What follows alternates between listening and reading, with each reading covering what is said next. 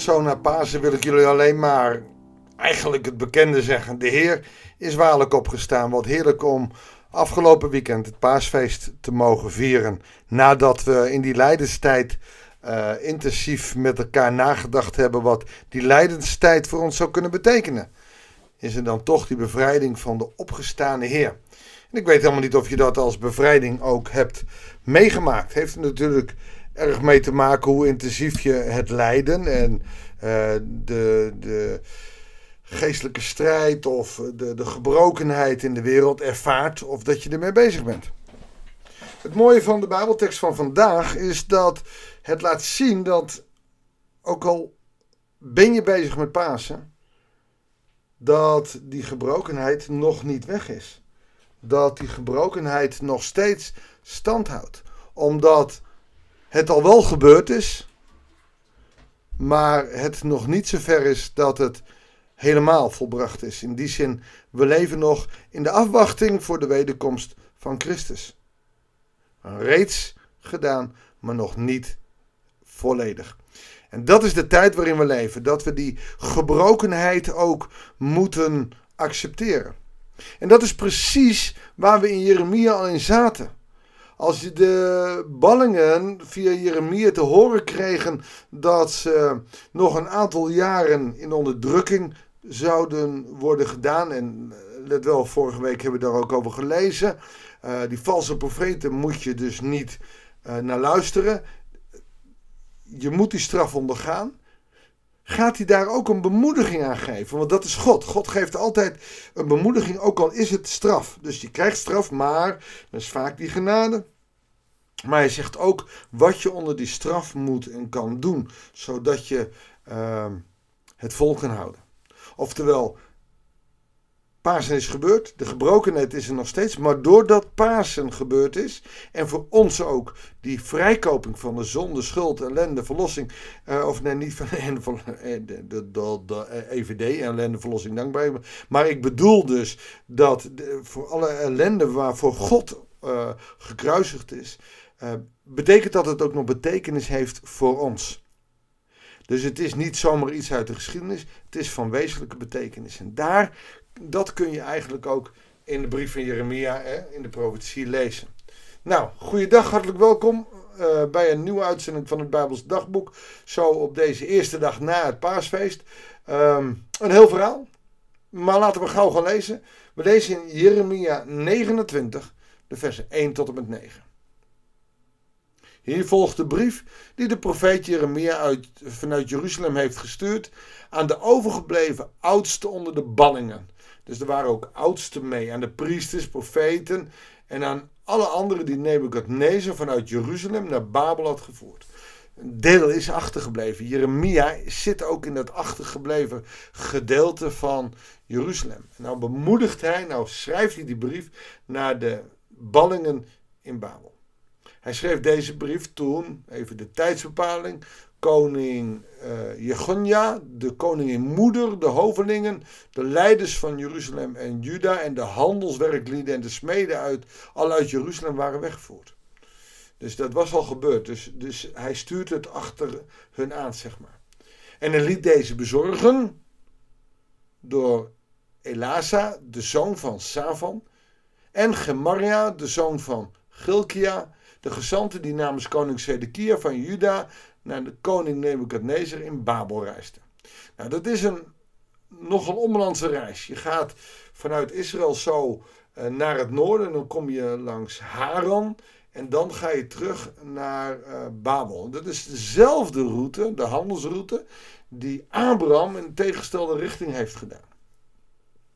Rechtstreeks oversteken, wat veel sneller zou zijn, kon niet, want dan moest je door een verzingend hete woestijn waar geen route liep. En dat overleefde je in die tijd niet.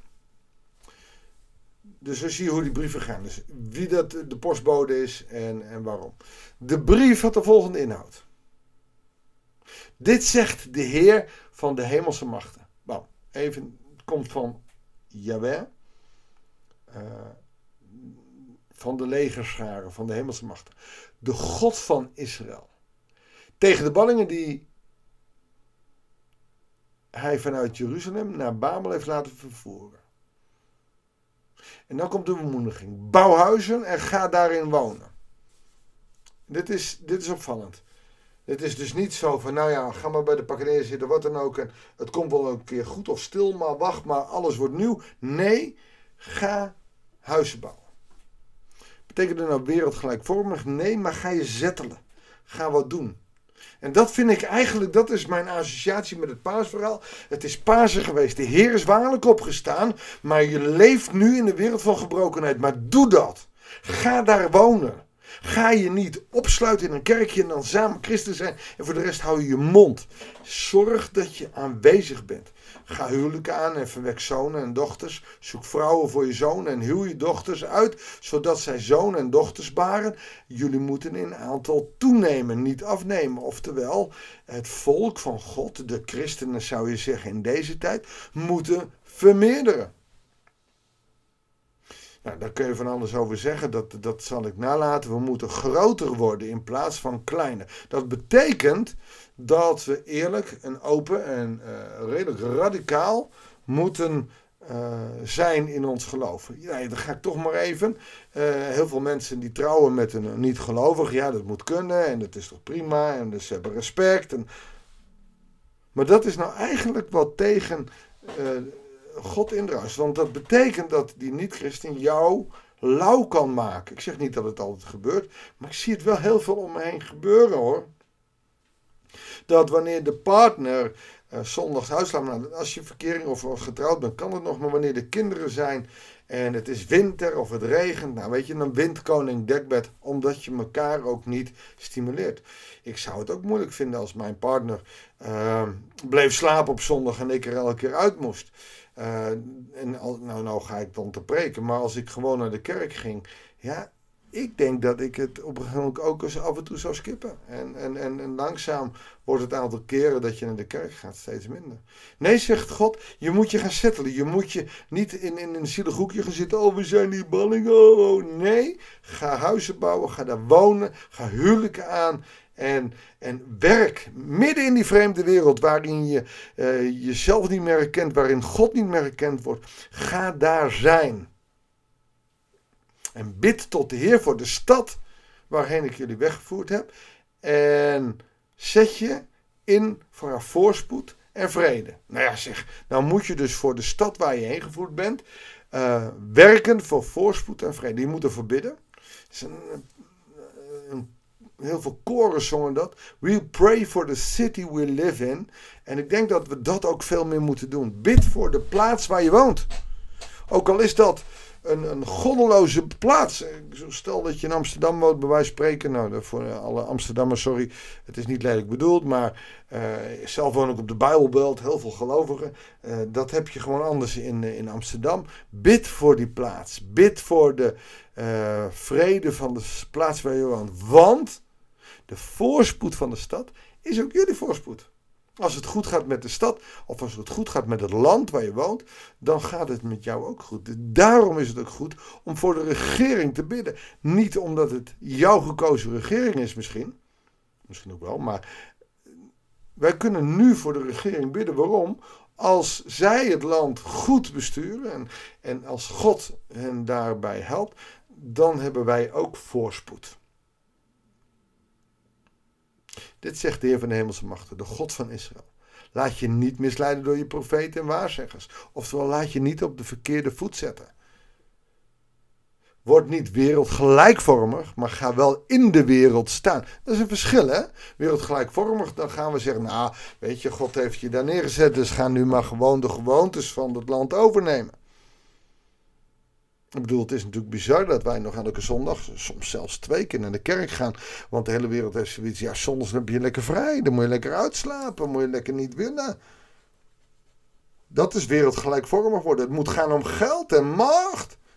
Dat is wereldgelijkvormig. Maar midden in de wereld staan is laten zien dat je naar de kerk gaat. En dat het je niet om geld gaat, maar dat het je om liefde gaat. En zorg dat je zichtbaar wordt. En ik denk dat we juist vanuit Pasen die kracht ook krijgen van een opgestaan. En we hebben een verhaal. En dan hoef je nog niet eens over die opstanding te vertellen, maar wel waartoe die diende. Uit pure liefde. We hebben een God die van ons houdt. Daarom kwam hij uit de dood. En wanneer je deze Jezus, deze God kent, dan, en lees dat maar eens na in Johannes 17, vers 3, dan sta je al in de eeuwigheid. Daar hoef je helemaal niet op te wachten. Nou, hoed je dus voor uh, valse uh, profeten, daar hebben we het vorige week over gehad. God heeft het volk gestraft, maar bemoedigt ze wel en zegt ook hoe ze die straf het beste kunnen ondergaan. Dan zullen ze er goed uitkomen. Daarbij komt natuurlijk ook bid tot de Heer. Wees ook met God bezig. Nou, dat moeten wij ook doen. Zonder kerkgenootschap of zonder een plek waar je gevoed wordt in je geloof, daar kan jij niet overleven. Je hebt elkaar nodig, ook christenen onderling. Daarom is de samenkomst, de eredienst, gewoon van enorm groot belang. Nou, laat me kort voor je bidden, zodat we deze nieuwe week naar Pasen ook weer in kunnen gaan. Heer God, dank u wel. Dank u wel voor Pasen, voor die opstanding.